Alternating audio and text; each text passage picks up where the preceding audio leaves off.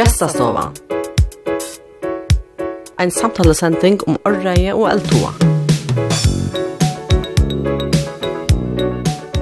Vi erkjenner stånden som landet er fra Aria er henta sending Berja. Dagsens gjester hever feras voia og nomisir bita mellom manna og alerton hvaskolen.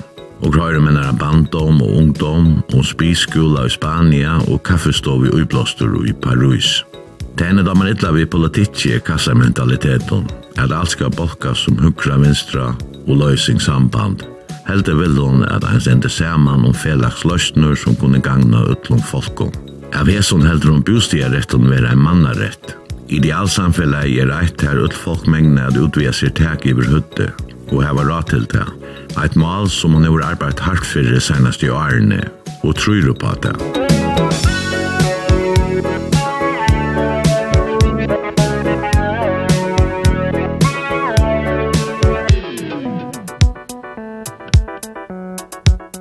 Godan dag og velkommen i gestastående her. Elin Hense er gestor og ja, og har brukt seg i beskriftene en samtalesending om Arei og Eldhoa. Velkommen, Elin. Takk. Det er du finner ikke, jeg har akkurat med kaffe, eller? Det har du lurt av en ganske. Jeg har te. Jeg har te. Jeg har alltid flere sløk. Hva valgte du? English breakfast. Ja, English breakfast tea. Og for jeg tar som nok vi investerer kjendisene, men Jeg pleier her også hørt. Høvsevne Birjan, jeg kan skjer at du blir jo veldig kjent som en og i Man kan si at teker avbyrd i samfunnlags vierskiften i samband med bostad og teker hava fella i byggva og så er det han her tjaks og han som melder til fjölbrøttar bostadmøvleikar i fyrtjen. Ja, hon ble kjent alle stedene alltid. Hon er brøtt for jeg. Er ikke sinter? Ja. Ja, jeg møtte en der en kvinne som soffa i øyla noe, nå er husaleien etter 500 kroner opp og så Og det er som hun eisen var vi i snitt om fjølbrøttere, bostiger, møleikere i førjen. Hvordan stort er det blivet? Ja, så da blir vi tjekk bøltjen om fjølbrøttere, bostiger, møleikere i førjen som vi blir i for fyra ønskjene, eller mer enn fyra ønskjene. Og her er i vi tjej tusen limer nå, og så gjør du så et fela som heter Bikva. Og ja, altså Enda mal vi tjekkbølsen var å få tjekk ut i alla krokar, og det er god så sør. Nått, det er enda mal. Og som du själv sier, at du møter en koner i handelen og til for å snakke om bussig vi skiftet. Så det er nått. Det opptekker folk og, og nekvilja at det skal hende neka. Og så er det forskjellig hent eisen, ja. Men hva er fjellet i Bikva så? Ja, altså, vi tjekkast om et her, og vi tar vi rundt og snakka vi relevantar parstar, altså politikere og ånder, og flere av dem har så handla og gjørst akkurat da, men til stedvekk lengt av mål. Jeg sa til i det vik at det var noen tøynda fond i samband med bostadbyskifter. Ja. Er det en par av Bikva? Ja, altså jeg har vært talskvinna for Bikva, men vi er flere som samskifta alla tøyina, altså snakka saman telefon og skriva saman og og så lot jeg oss som. Vi tar ikke vært rundt og vitja blitkarsort, nøyligane, men det kan gå kompa til alle atter. Ja, man ser nu uh, at det er vitja tofton og ærestand. Hva henter i, i vinden, kan man si, at han, nu også jo, gong det at han bedre veien? Ja, okkurs gong bedre, men det satt ikke lengt av mål, men um, vi da finner ikke flere allmenne bosteier, og vi da finner ikke privatar nu eisne, men det ene utlukkar skitt. Det er viktig å slå fast at man kan godt heva bæja, vi kan godt hava flere allmenna bostäder og flere privater samstunds. Så enda målet er at få flere fjellbrøttere boliger bostädermålager. Det er kommet flere, men stadig ikke nok. Det er sinte mer fjellbrøttene, og vi vil hava flere bostäder man kan kjøpe og leia kring Atlanta, men det er stadig ikke nok. Og boliger er det ikke blivet med det så rajus med nu, så det er det man gjerne kan vi. Men det er det som jeg også er om, at det er at en trobladje for folk i havn går skjer som bygger her, at de bruker alle lønene til bostad. Det er ikke mye, no? Nei, nei, det er, det er for dårst. Og det er en trobladje til en avbjøving, altså, tøy at det er ikke fralst folk som, som er kjøver rådlandet enn en, en teg over høtt, ja. Men så finnes ikke som er undan kommen og eier som bostad, eller er vel av ved til å ha betalt det ut, men, men etterkommerne, hva, hva skal være ved teimen? En øylegging i bostad er øyla store parter av heimskapitalismen. Ja. Det blev en uiløva i det, og det er spett tog at uh, så vera bostaden bare kjepter opp til det, i stedet for å sette pengene i banken. Det er en negativ renta. Men det gjør så til at, uh, at ødelig ikke slipper til fætig å kjeipa, og de som eier, de leier kanskje ut i døren domen. Men ikke er eisen hins så gjerne at for jeg får lån, så skal du ha lån, og hvis du bare har en mye lønn, så för att kunna jalta sig just husen så måste inrätta källaren och för och en durst ut. Så alltså lejaren hänger grejsen på allt det. Ja. Att huset land är så stor. Ja. Alla alla värna är där är där durst nu. Men man kan gärna gå vitta alltså till dem som Danmark spyr man för hon tror han så igen. Jag gärna gå vitta att uh, ha allmänna uh, till det som inte drar att köpa och så så var man och gå så så tycker jag så mata. Og det er et størst pluss at vi nå har finnet allmenn leie vi er her, til at så kan man om ikke annet bygge her, hvis man så helt gjør få ene, hvis man ikke rattler kjøpe. Men du kjenner ikke noen som har flott ut? Ja, ja, det er, det er ikke noen nekver helt til bostaden som, som er du billigere enda noen. Så vil ikke koste det å gjøre bostaden, men det er for nekver, eller for feier som er noen billigere til øtla, så... Altså, selv her som de som bygger for ikke bostund, som er at de er nødt til å flytte ut, det er ikke råd til det. Så det er åhøpet, det er må det atre, atre i køyene. Men man har målet at man bor ikke bostad i ett år, flytt internt, men her må komme flere, flere bostad. Du har helt det fyrre gjerne, for vi telefonen at du har helt at en 80 har haft varvat hushandelsgrunden næsne. Ja, ja, altså, tog at, Alltså nu är det bæra, man bära lån från banken, så det blir bättre hvis man nästan kunde haft huslandsgrunden till att garantera för, för en parsa land. Tog jag näck vilja gärna eja. Men vad är det? Det är väl tog jag att, att det följer sig fralsar på tammadarna. Så att det är obetalt. Så man lov fästa sig en cigarett där. Ja. ja, det är så det. Det är så det. Som turerna mening om att, att man ska kunna röjtja inne. Och det, det, det här vi är som så heldig snacka. det. Alltså man kan kunna göra det som man hur hot till hemma till sig själv hva inte det er å røyke eller annet, ha en hund eller hva man å gjøre. Jeg synes jo man leier, men det, det kan man ikke alle sammen. Ta man, til det som er vi at leia, at du, du er ikke fralser til at bestemma. Altså, som man sier, du kan ikke gå og bestemme hvor skal vi gjøre det, aktet da. Det er skjermen du er, du betaler øyne noen penger for det, byggva, som oftast. Og det stendres jo i kontrakten at, eller sottmallene, at du skal leta bostein aftur i samme stande som ta ut til tog. Om endan, sjå det, minus er lusen til naturlig om slite. Ja, ja. Men det er alltid helt ikke gjerne at, at man skal alltid, altså så kan man omkjenne betala sig för att men mer man bor där är det gott att man släpper det som. Det er alltid med røyking, så ja det er gammelt hus det lukter av grind og rust og fisk det lukter ikke av nikotin Jeg vet ikke, altså, jeg, jeg er voksen opp i hjemme røkte, og jeg synes hjemme noe mer, og jeg har aldri haft noen måte, og, og jeg kunne ikke dans, og i tøyma vus da jeg var enkre, her ødel røkte. Jeg husker ikke om det, men i det halde jeg det ordet deilt, at, at det ikke var røkt her som man er, med stående og, og hjemme. Men jeg vokste ikke opp i røyk, jeg hater røyk, altså, jeg, jeg, jeg, jeg, du tror ikke hvordan jeg hater røyk, man vaknar, så Altså køkrum var fotler røyke til Armassel skola. Men uh, jeg har nok det avhengig av skene at da jeg begynte som 16 år gammel, bare en, en utenlandsfer, og så, så ble jeg hangaver. Ja. Men du har helt ikke drutje dekka?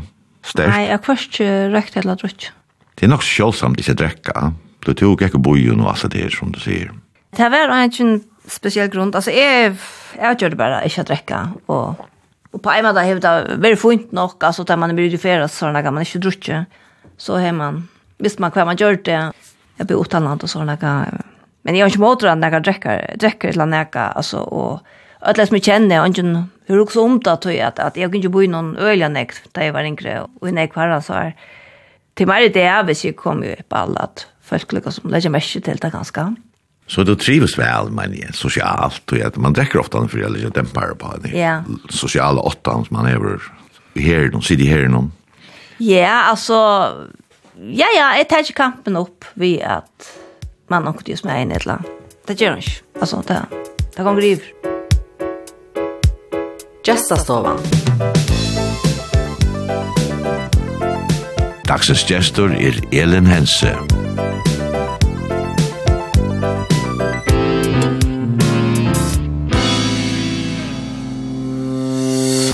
Du, nu er sommer, og ikke så noe det er siden du fikk et nytt prokk i håndene. Ja, jeg ble utbyggen ferieleier for RFR. Først for det var Mallorca, i Nødjøns Grønkall, til Spis, og så nå ble vi utbyggen av ferieleier i Vestmanna. Og grunnen til at det ble til henne, og til simpelthen tog at jeg var undervist av skolen, og så helt det så spennende, og så, så tenkte jeg akkurat sammen. Fyllte jeg undervisningene og få det få det her prekve eisene, det førska prekve, ja. Og det hender at det er nok snutt, altså eisene innenfor det som man skal formidla som ferieleier. Det er mulige ting som, som hender det tøyene, kan man säga. Altså, nutt vitan. Så man kan alltid lære noe nytt, og til vi er øyelig avhåverst at gynnskjå av ferieleiskene. At alle bruker det som ferieleier, ja? Ja, ja, altså, jeg pleier å være ferieleier, så det, jeg kan alltid bruka det. Altså, tar man ferieleier så skal man vite när det kommer alt. Altså, det synder akvarium, så öll vitan hjälper. Hvor helt du ikke fremme av Malarska, synes du? Jeg vet ikke, det var bare til stortleggere. Jeg, jeg tok til akkurat sånn håskola da, og det var stort litt, og man lærte øyene jeg, øylen jeg eksamier. Det tok tvær måneder fotla to, ja, og man lærte først hjelp eisene, og jeg lærte til støvdesseisene, ja, samståndes, og man lærte sin responskon, og øyene kompakta, men... Um, Jeg får til farger, og så har vi arbeidet for kjæresten innenfor ferievinnen i fargen, og, og har brukt opp av hammet. Jeg har arbeidet øyelig nekva sent, det var i Forsenåna, jeg har arbeidet kundegarstående, det som jo er det visse Torsan, og Torturist, og Spirlein, og Kjøsik og Simonsen, Høyvekning Torsan, som er alle feriemanneskipene, hjelp til vi at uh, kjipa fire utfører vi, vi bosser noen. Jeg har vært ferieleiere, begge hånden og tja, tja samme blåhammer og torturist og för förra röje där jag tar ja ja för att möbler ja så bär kontor någon och som föräldrar, ja och så och det eller nu har vi arbetat några år efter som förälder men jag vill inte arbeta i Spanien och i Västmanland är det en ändliga uppgave som varit music walk. Ja alltså det är min stora AHA tonlägger och vi skulle göra en Ja, en er utfärda, og jeg vet at man hever det sommerstene, åttalanda, man gonger, og tåsar om tonelike. Så jeg gjør det en sånn tur nere i gamle havnene. Det her er nok snakk at snakke om. Jeg har vi haft fyrlesere om, om først kan tonelike før, altså nere i Pesastov til en av sommeren. Og her er fortalt jo om, om, om kjalter og kinko og, og kveier, altså bæg som da ble brukt før og, og i det, akkurat som det alltid vil være. Og så, så blir det for nødja at man, at orkestret der brukar det og sette ære sjankrer og, så det handla i sin turen om, og så, men eisen alt mulig annet man kan fortelle om her nere, hver bo Becker Hansen, han var han som, noe som kom, og brukte instrumenter og så, og hei orkester og sånne gang. Og han er passet stål svap og bo her, han skriver i kveier nyer, på grunn av tog, og, og, altså, fra manna munn, her var kveier i iveliva, altså, så vi kunne bruka det i det, eisen, ja. Og, og så er standmyndene av, av Janus og Hans Andreas så han er, uh, det kan man snacka om alltså där bo här den gamla årstovar som där bo och la här och och haunar och rann fram vi och och så kan man använda så här kost här va. Ja, sitter inne i husen någon och och med en egen tottla utanför och så där yrst och så här det kan fortälja att ni Peter Alberg han bor i Esne i Gael och och sövan om det han gjorde Chosangen såna kan. Så det handlar det här om. Alltså det var inte något nytt att du arbetade vid tonläge akkurat. Men hva er det for rønder hever du innenfor tonelike? Ja, altså, jeg interesserer meg sånn ikke for tonelike, så jeg venter alltid at det til da. Til dømes tar jeg Jack av markedsøkonom utbyggingen i Danmark. Ta omhåg seg jeg gjør det spesiale om utflutning av tonelike, men jeg var selv klar til det da. Men så tar jeg lese film- og medievitenskap på Universitetet i København. Ta, ta var flere oppgaver som jeg gjør det, som handler om tonlaga videor och tonlaga filmer och såna och gjorde jag också tonlaga videor så till alla tojna verier och såna sån kvätt jag görs då och så skriver jag i specialen nämligen om utslutning av, av tonlaga av nätten och om det här månad började jag äsna att, att, att boka tonlag alltså hejarna heima soja samma vi öron uh, som är tonlager FO här uh, folk kunde boka tonlag och och jag så äsna arbetat i, i Norrland hos någon og fyrkipa konserter og sånne. Ja, og så har fyrleser om tonelike, middelande pesastove, og, og i tåsen ikke om tonelike tar i er fyrleser, ja, her som da passar inn, så det er en stor pastor. Ja, og mer åpenbart. Altså, hvis jeg skal velge, men det er andre ting som jeg snir av over, men det spøker alle tøyene, da jeg skulle velge hva jeg skulle skrive oppgave om. Så det er et av dine hjerte malen? Ja, ja. Men det er godt jeg være beint av Barbara-turer. Heisen. Hoxe om tutt eller tuinne lintes etkjenne hver det er, altså du teker arbeid og areie og du og som er tåra slett ikke, så har sett sett jeg sånn ikke gang som som uh, nærte sånn og folk som til dømes uh, bosteg vi skiftet. Om du er ekstrovert, eller hvordan lyst du til sjåa? Jeg vet, jeg tykker vi er bare ekstrovert og introvert. Altså, jeg doer bare og trives vi bare Alltså som föräldrar måste du vara extroverter till att snacka med folk och att möjligt av folk och men men, men jag tror just isen vi att behöver hemma och och träcka mig in i mig själv eller så han. Det är som du får fullt och helt och det är det är inte hållt alltså. Det är Nej, alltså är är det nog en som färre all in vi vi tam tänker nog så mycket det. Det har också gjort vi vi snär vi vi kan bostäder vi köpte. Men det är isen tror jag det är varit ju ankron örn projektet tar man arbetar vi øren, så, så är det alltid man själv kan bestämma hur långt det skal være. Så, så hes för tanken nu nu nå brukar jag en ju på att det är ikke att det forever för jag får til det här Men til reisen tar man sett några gång så, så är det sen så ansvarigt att att stäcka i holmen jätte Ja. Så, jeg har ikke ordet sett noen dato, til inntil vågjere så, så kører det jo, og, og, og til øyne folk som hjelper til, altså, Ölla ölla nek trick folk som hjälper till till dem som är i bigva och och nek som som som Ja, men här är alltid en polarisering och du får något mot det där. Det krävs en Jo, jo, jo. Krävs en kvinna. Jo, det är harst. Det är harst check. Det så bult men det det tror att jag har bjóa öllum folk om vi og så mer så sjálv kom oi bulchen at check Och og det er polariserade meningar. så det kokar vi bulchen ofta ja og det är inte öd som halta det i behärligt, men, men uh, i halta till alltså nu är det uppbyggnaden för milar och alltså tog lägger mer till som ting. Det som händer att de sociala milen och det det att att, att folk lycka som ofta är i, i sån bubblom här det kanske mest snackar vi såna som huxar det samma som te ja. Trenda den där algoritmen utan sociala milen och ju mer att läsa om också ju mer läser om det samma och tog halt är att tydningar mycket till dem i sån här chatten och bussar vi skiftar att at öll, eller imisk sjåna vi møtast i en plattform, ja, som Kjærbalken jo er, til at uh, vi må løysa at det er saman i fyrjun. Og til eisen tog at jeg engasjerer meg ui sånn til at jeg sjolv vil hava bostjøyviskiftene brøtt, men jeg halte at det skal være fri öll, altså no man is an island, eller altså, ta, ta ma løysast av ødlån. Det må eisen være plass for dem som halte at det er funnet som det er, ja? Ja, ja, ja, ja. Det, det er ikke så snar at, at uh, at nekar skal missa nekar for tog om onker annar släpper fram at, eller, altså, det må være plass for ötlån i føringunnes landen som ikke er byggva i sin heimlande, og her har vi ikke sagt at nekar annar pjøsa føler seg i høttan, men, men det er ofta så folk føler seg i høttan, men, men det kan man så ganske ta seg om, altså, dialoger kan flytta folk, altså, det er folk som, som har flott, altså, boa vei kan man säga. Det har vi aldrig hørt om før, nekar flutter av Facebook. Jo, Jeg har alltid alt i sted. Så skriver han bare åkta træt, og så stedet man enn mer sted. Nei, nei, jeg har alltid at, at det er sånt at det er kjæk. Facebook vil så utskjelta, men jeg, på det kan man ta alltid det fantastiskt. Altså, tog jeg at... Uh, Alltså för så kunde man bara komma fram med sin mening ofta när man skrev läsarbrev va och så skulle det vara så så förrust och allt skulle vara i örtarna och ta så till dems kvinna kom vi det var så check bland kvinna och nätet någon det har gått nok anonymt men som rätta. Tar börjar folk att skriva om allt möjligt av förskon, sån äckna förska mal som man nog ända förtåsar. Och det är så befrielse, halt det är. Men i början var det tjäk anonymt, men så där Facebook kom så kan man inte skriva anonymt.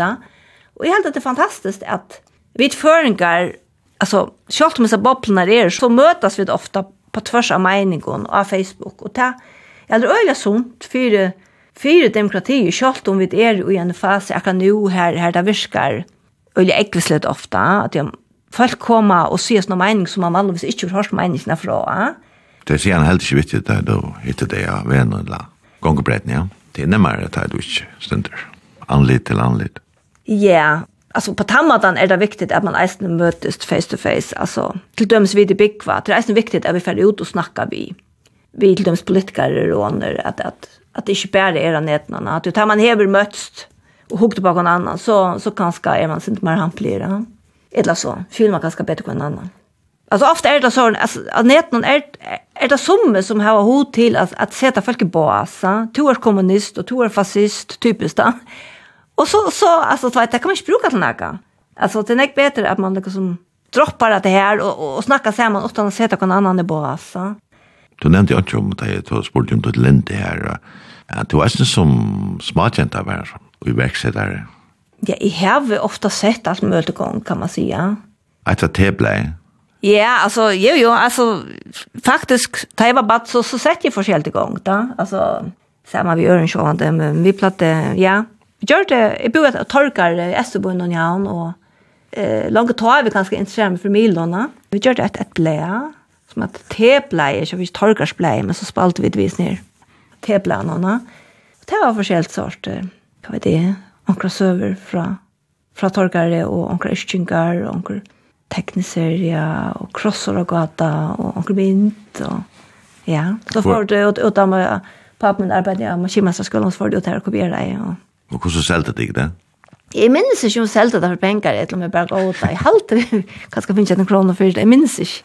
Men ja, ja, det var en ek som man fann på her, spalte jeg ofta sjånleik, til dem samme tjokken, og spalt man sjånleik, og, og, og, og tar jo et eller annet briks, da var jeg, skuffen rundt det, står man her og spalt sjånleik, og jo, jo, man fann på alt mulig, da, vi, vi platt jeg snitt gjøre utvarpsleikjer, jeg fikk en sånn luttland bandopptekere, altså ordentlig, luttland, Og det var en stor hendning, men Løyven spurte om tonelike, altså, um, altså jeg fikk en bandopptekere, all familjan sett rundt han om, han var sikkert bandopptakaren i stoven, ja, og vi halte i 82 bond, og i flere måneder lurte etter en sånn bond noen, altså, og, og så fikk jeg så åndere. Men ta, ta bandopptakeren, han, han kunne jeg stekke opp, og så pratet vi da gjerne utvarsleitjer, her vidt de sette vatten i søgene, og så skvulpa i det sin så var det ute i havnen og sånne, som man hadde funnet jo på en ekvesten, som bad, kan man si, ja. Vi tatt i en, en klubb, kallar vi det, bankklubb her, forskjellige jenter i Naplan kom och så maler man på krukker och vad vet det alltså hade ju och såna grejer så. Ja så också också man starta spela en checkbulk Og setten helt du fram vi frisk og natøgån, til dømme kipa etter og sent og i forsen og fyrir kafé og i havn, samme vi lande Meitel og Hansine dal. Ja, det var så vidt at du var i, i Paris, i Orante, og, og var au pair og arbeid noen resten hestene, og Her får man en kafé i Paris och alltså ta ta kom vi då dam och leva sitta kafé och vi kunde sitta kafé ett helt kvöld, och ganska bra dricka en eller två koppar te och sitta här og filosofera da gjør man i Paris så da vi kom hem ta det var så så noen, någon var ikke, unga kaféer och Jag hade det var bara eh, mätstor hotellerna kom en pizzeria om det här vidt, ville röjna att ha en kafé och Vi fikk så løyve til å heve en kafé i Pesastå til sommer, ja. Og det er så rundt der prosjekt her vi tøtte hundra folk til sammen, cirka til å hjelpe oss. Vi brukte tver måneder på planlegge, og så hadde vi tver måneder åpe. Tar åpe frutjata leier og sånt det. Folk gjør det, altså avkjøpes, at gjøre med, tester og alt mulig, og, og servere.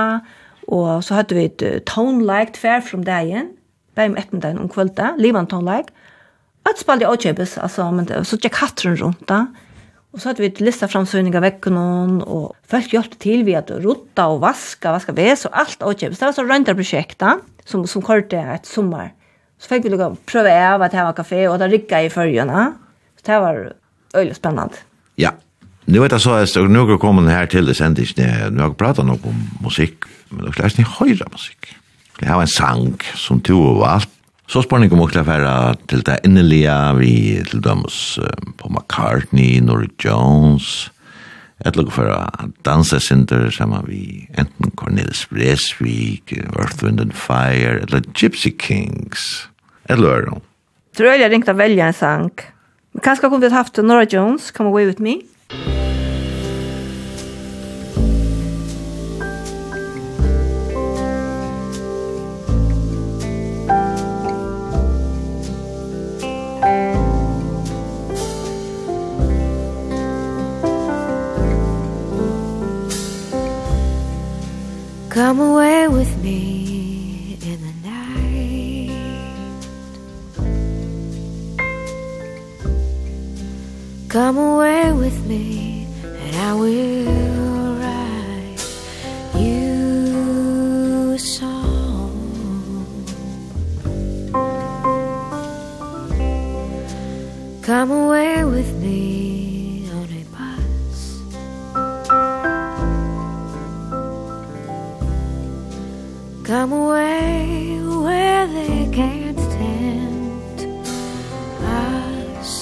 with their lies. And I want to walk with you on a cloudy day in fields where the yellow grass grows knee high. So won't you try to come? Come away with on a mountain top. Come away with me and I'll never stop loving you.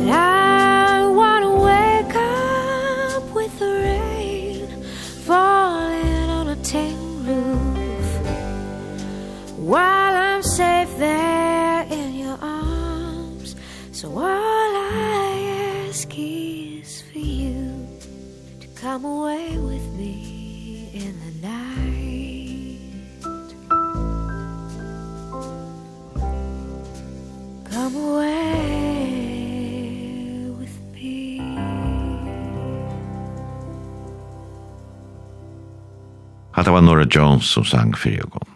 Og hette er sendingen Gjesta Stovan, her Elin Hense er gestur. Ja, Hense, det er så ikkje et, et navn i haun, men sandhøytene. Ja, pappa min var ur Skåpon, og mamma min var ur Gøta. Det er forrige sted som sikkert fyrstan år gammel, dere så rett, til haunar, gengskola og arbeid og sånt, ja. Det gjør man da. Men haunen er resten, deilig. Jeg er i havna folk. Ordentlig, ordentlig. Men jeg har vært en nekk i gøteskåpen da jeg var baten, og det er ordentlig glad for. Du har livet som ikke noe var, du minnes det jo ikke år på her. Ja, ja, jeg minnes det ikke år kom og alt det der, og bare var utvart på sårsta. Så man er heltjer, men altså, mine foreldre var skåmel, altså, de, de vokste opp under krynen, og, og nå er vi jeg bo hjemme til foreldrene, vi er dødt mine, og så hun reisen voksen opp i sånn, om og appen som man snakker om. Anna Velda bara det alltid det där. Alltså hon har väl upplevt något det samma som är och spalt ut i samma hus någon och, och runt om. Så jag tror en uppvuxter är han och vuxen och, och ofta är långt affärer till det imsa. Det imsa virksomme og hovas bussleien eisen er her, så vera bøtten kort nok vid det atter og fram. Her vi får det sindra fru i eisene, men det tjenestene vant ikke to heie ta. Alltså det är... det er ikke filmleik, ja, han har filmleik og alltså... Jag var bara en jenta som blev kort, alltså man checkar allt och så så checkar man hem och, och så står man och orven och och, och hukte in jag vänta jag var en handel som och sen film vi appa men så alltså orkestern appa men så platta. Det som är minst tøyma var ju öllum veckre ja. Det gjorde man alltså alltså sås man kanske bara check första klassen. Frankare, det hur långt vart du här? Ja, så att han har suttit ta för er till Paris. Fyrst var det fyra månader eller landa och så får det till Spanien och rejse sätta affära lärare och stå dessa skolan tja spis och så kom jeg åter til Paris og så arbetade jag Burger King og och Atlantston så jeg vet ikke, jeg har alltid vært uh, siden man har holdt år i Paris og så har är vi åter og sånne men Bourgois Bourguesa? Burger. Så Spanien, det, det, det skriver faktiskt, det er inte burgesa, men det skriver burguer, til lyst av mer till amerikanska. Okej. Men lærte du ordentlig fransk så? Ja, ja, det er det, ja. Och så etter det, så, så får det till London, så var det här, där arbetade en klatt med handel med ett landa, och så kom jeg hem. Jag gör så öl, jag i mig stingas. Drama skulle vara ett helt år, og i Köpenhamn, drama, sang og dans. Men faktisk åren til jeg var det, og en mediehaskole i Esbjerg var det gjør radio, utvarp, sjåvarp, video. Og så har vi lise marskesøkonom, vi enskån og franskån og Ervervsøkonomi, nasjonaløkonomi og jord. Kan mako i film og mila vysende? Ja, så får jeg lese film og medievetenskap på Universiteten i København, 18. Vi kan mako i tog. Hvor kom du hjemme etter, Damar? Altså, jeg vil heima atter fram at la togene, så snart jeg. Men jeg bor realland i Danmark. En ivgeng var det helt når man løyver, det er ikke mer, men Men um, tog er det her som jeg kom fra, etter mitt, mitt land da. Det er her som jeg føler at jeg kan engasjere meg mest. Eller så, det er mitt hjerteblå. Brenner her, selv om jeg damer ordentlig vel Danmark. Altså damer vel danske mentene på nekka mat der da. Ikke minst da bostjører ikke noen etter Både Boligforeninger. Ja, men, men, men altså til her jeg kom fra, og så eisne foreldrene kommer var gammel, og, og samstundet som jeg fann det var på veien, ta, ta fann pappen det at han var sjukrakreft og var legend sjukker. Så ville de gjerne være her, altså, tja mamma til henne, altså, for jeg døtte meg skulle komme kjenne til og for at jeg skulle kunne være sammen med henne nesten, ja. Vi tatt kjøkken via for å leve så langt kjent pappen min, men lakna nødt bare råkna vi tvei måneder, men det ble så til åtte år. Han er den som lever langst vi prostatakreft. Og han var ikke bare deg, så ble mamma min sjuk, eisene på samme måte, altså, og legende. Ja, ja, så, så jeg er her, som man sier. Jeg vil gjerne være her. Jeg, jeg halte, altså, jeg halte, tar man bor til København og sånne, altså, her er man meira, altså, her er man bare en prikk. jeg skal flyte et eller annet til, til Stormona, her, kan som är här arskan samman och Jeg er en förande politiker som man säger att i Kina er man inte förrän er man också nog som en person. Ja, ja, alltså alltså här men här har jag familj och vänner och det snackar vi att att jag vet man bor för lunch så kanske man följer sig främmande ner va alltså hvis man blir för lunch åt annat va men ja till ett immun då apropå kinesaren alltså och jag kom in ner och snackade det så snackade vi nämligen om det arbete som förelärare att till döms kinesare där är sin speciella alltså jag upplever det till döms ut jag regner vi omkring kinesare och till döms hena damen för hon säger vi januari Arnold, vi kikkar inte vinter och allt det där. Och så gör ju så Luca väl, men nästan halarna väck från vintrarna. Att man sagt att trutja för vi henne, kom nu. Då är det. Och det kan tidigt och skiljande att hon inte helt att det var. Alltså för för när till privatfolk, ja. Men här tar sig så vi en man som är svagaitja, en från Holland, som hur bor i Kina. Han säger, men alltså, tar här var det helt annan att hitcha på privatlupa, alltså till dums. En kineser kommer från en stor här, Så jeg ordentlig hukt inn, jeg vinner ikke hånden, så er han bara fortsatt ved att det är det, altså. Det är slett kjørstene. Här, vi tar det på en annan mat her, da. Alltså i halt det att förrjun vid er så få Eller vi känner så när kvar att det är näck gott ut och ja. Alltså är det inte bara en en pricker i mångten och i jag står på. Och lugga väl brötes allt jag jag tossar vi en kvinna förra dagen och tossar sen sin forsen och att jag kom till han där då i 2 3 fors Det var det kjøtt, så kjenner man, kjenner man ut, va? Så jeg tar jeg nok så nok etter det ble en laks. Altså, nå kjenner jeg bare 5 prosent av han, faktisk. Ja, ja. Hur kjenner man ut, man får man på gjerne. Altså, men jeg synes tar nå er det korona, at det var så øyne jeg fyrre folk, ja? Altså, ta, hei, jeg synes det er fornemmelse, ja, altså, det kan ikke betale seg helst, at jeg kjenner ikke lykke. Nei, nei. Ta hver det blod, jeg synes det er nå er det alt som fyrre. Men korona heter bare ringt? Nei, jeg, jeg har alltid vært funnet på noen måte, altså det här som är tog och skola och allt så föringar det och allt det där alla tojna. Alltså på några matar hev då är det också stressande eller så självskapt stress det är vi ja men alla ska skala också skala också skala också och ja jag har haft det fint under corona. Men men det kräver alltså det kött som jag har haft det fint då som vi blir inte deprimerade i sånt tänka. Men det är extremt eh, extrovert det har jag haft tro på det har jag. Ja, alltså det är inte riktigt. inte kunna vitja folk och så. Man følte at den ugenga, man ikke hadde kunnet være videre folka. Jeg har også trobelaga, vet du. Jeg bare sitter her om kveldene og nørdast vi mot tilfærd til platebarn og så, som vi pleier. Men jeg har som mange som jeg kjenner, som at han har tatt av det ordet stånd nyer, at uh, første vikene så gikk det ok, men så ble det allakka som en flo i en fløske, altså tog jeg at vi kom an det, så det er ekstrovert folk, utadvendt folk, få oss noe orske vi til sosiala, Men jeg får ganske få en mer orske vi en tur, en samall, en hund ganske. Ja, ja. Alltså här är vi där på boa mat, men alltså, jag har haft fått ont ont corona alltså. Jag tror just näcken sällskapet tv när jag görs alltså. Bara ju filma hemma och gå stora ja och få ni på förskället. Alltså faktiskt så tar man bara väl att jag arbetar hemma från. Gästastovan. Dagsens gestor er Elin Hense.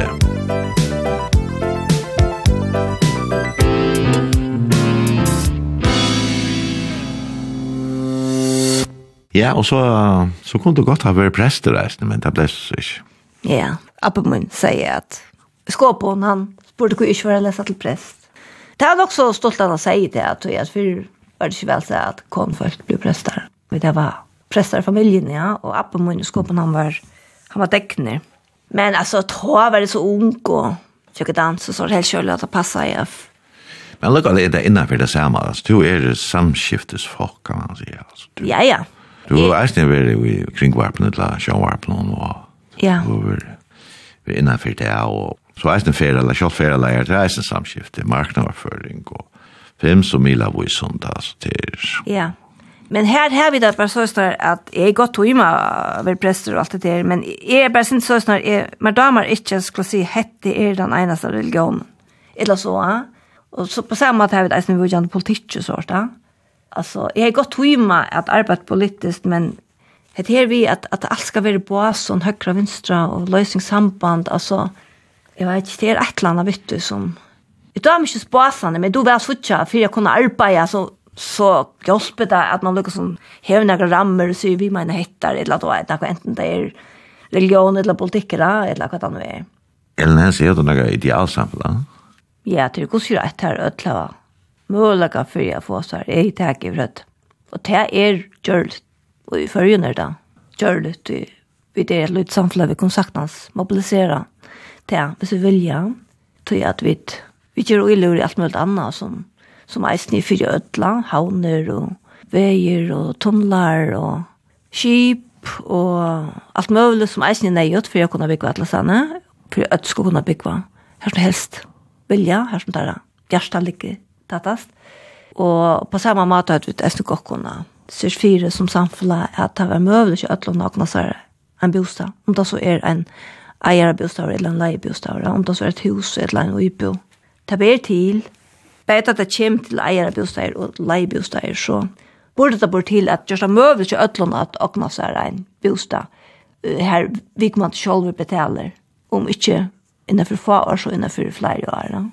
Det er bare som er, er det ikke mulig. Og jeg har lyst til drivskott, ja. Ja, man skal helst ha et senter av livet for i eisene, tror jeg, at annars så har man ikke et, et, et til å kvart selv, og samfunnet for helst, det er på sjur, vi man det som kunde finne på sjur.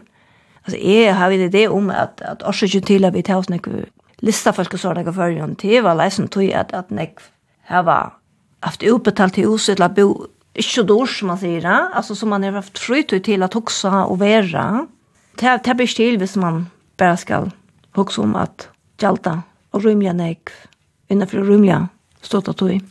Da jeg hører med det så vi skiften så också ofte om vantande kærleik og vantande empati. Eller vet du hva empati er for deg? Hva er? Det Det er ikke bare et ord. Kærlighet er ikke kjesten bare et ord. Jeg har aldri, aldri går ofte bare slunja om. Nasta kärlek, nasta kärlek det er vel det at man under ötlån. Da ser man som man själv, ja? Ja, det er en empati, ja. Att jag var öron, eller under ørene her, som möjliga som du selv har det godt. Ja, og at du ikke nødvendigvis själv missar något for du är några andra för något. Och inte för ytla av det gongst ør vel, og ikke for vel av det gongst ør ytla. Altså, som at du så virker det som ikke noen at det er som motpolar, altså, at alltså folk inte alla då såtcha att att för tim häsen för det går hötte så men ser inte mycket eller så snarare. Men det är det som jag kan kan hjälpa på att få på pasta skilja kan annan. Onkel har hatt det för en rätt att man är det har stäbig kvar att man fötrer och gör gjør den jo tidsen frågum, altså, hun kunne ikke bare stille det hos opp. Hun er privatiseret, eller tidsen, ja, ja. tidsen inn på akkurat maten, fra, ja. fra han som var født inn og gjerne. Ja, este, te, te, altså, sambart mannaretten til sottmannen, så, så er det en mannarätt. Jag har tagit det. Och hvis man hickar ett Maslows behovspyramid, alltså törsvärarna. Det nyaste är som fysisk behov och så. Ja, att äta och sova och så allt det kommer till vi, vi tagit det. Ja. Så det är rätt nya lia og i sånn her tørsværen och overst uppe i kjølsrealiseringsårene. Så det ska först vara på plats sånn ting, ja? Og man har plats plass for att, at gjøre noe til samfunnet. Og jag det engasjerer meg i det här, her, tog att, att det är något annat som ska göras i samfunnet. Så det tror tydninga mycket att hetta är på plats som känner. Det så kan man teka seg av alla möjliga öron, nästan, ja. Apropå att det er å være präster och Maslow och allt det, Jag läser en av en bok, minns jag en sån. eller antallig person skriver etter boken, han säger att... um, första trina av Maslows pyramiden må däckas först. Alltså ja. bostäver och mätor och sex allt som är någon tror jag. Och så kan man bli antalig i han. Ja. Men inte fyr. Nej. Så han var brulliga realistisk på tammatan. Ja, det är det. Tar man svanker så fyller bära det. Ja. Är man svanker. Så man är reisen, tar man sjuker då. Ja, ja, hälsan, det är reisen öliga tutning och mycket. Och sen härna så, så var det inte till Det som han sjås her, halsan. Nu, jeg kan ikke reba og passa på min halsa, men du nevnte han har filmlega fyll, ja. Men han sjås Bass Lurman, eller Bass Lurman, Lurman, sier du, everybody's free to wear sunscreen. Så sier han, bruka kroppen til det mest fantastiska instrumentet som du nagrar til för att få utan løve. Ja, alltså här tar det kem till till att orka näga och idrott och sånt. Här har vi eh, damt allar best att dansa. Här är vi inte till eh, latinamerikanska dans och standarddans Danmark. ja, det är sådana kan man dansa två till varje aktion. Vi vill med dans och sånt. Och jag ska inte göra dansfröj till er. Till er öliga stortlet. Bamboleo. Ja, salsa och allt detta försäljande. Det var en konsert. Det var en konsert, ja, Tamon. Apropå den här latinamerikanska. Gypsy Kings, jag tar fransmän, så, så jag spanks, jag vet inte. Ja, det synes jeg bare jag spanskon och franskon. Ja, jag var till konsert av dem och det var en fantastisk konsert. Det var, det var København. Minst det var det gamla, et av skala, eller saka, här, bänt det för, det gamla förrjusen. Ja, det var så skite konsert, akkurat som en biograf eller så. Jeg minns det, alle såten nere, så kom alla som männen nere och ställde sig her av sena, alle kvørs någon gitarra, och så, så slåt han ene, eller alla, minns ikke etter, av gitarren, och så toste folk bara fram till scenen och började dansa. Jag minns att vi dansade simpelthen nonstop och i tar tvär tumman det var det. Och hade det är fantastisk tonläggare alltså. Där man ska ja, dansa och... och... Skulle du ända vid det här månaden? Skulle du dansa i sommaren? Jo, låt oss göra det. Det blir så att den her, medleyen. Volar i reisen i pjøy. Takk for det, Ellen Hens at du kom i Gjestastovna og jeg får innsett det er ordentlig godt sommer, og er den beste etne vi tøynen og at tøkken. Takk for det.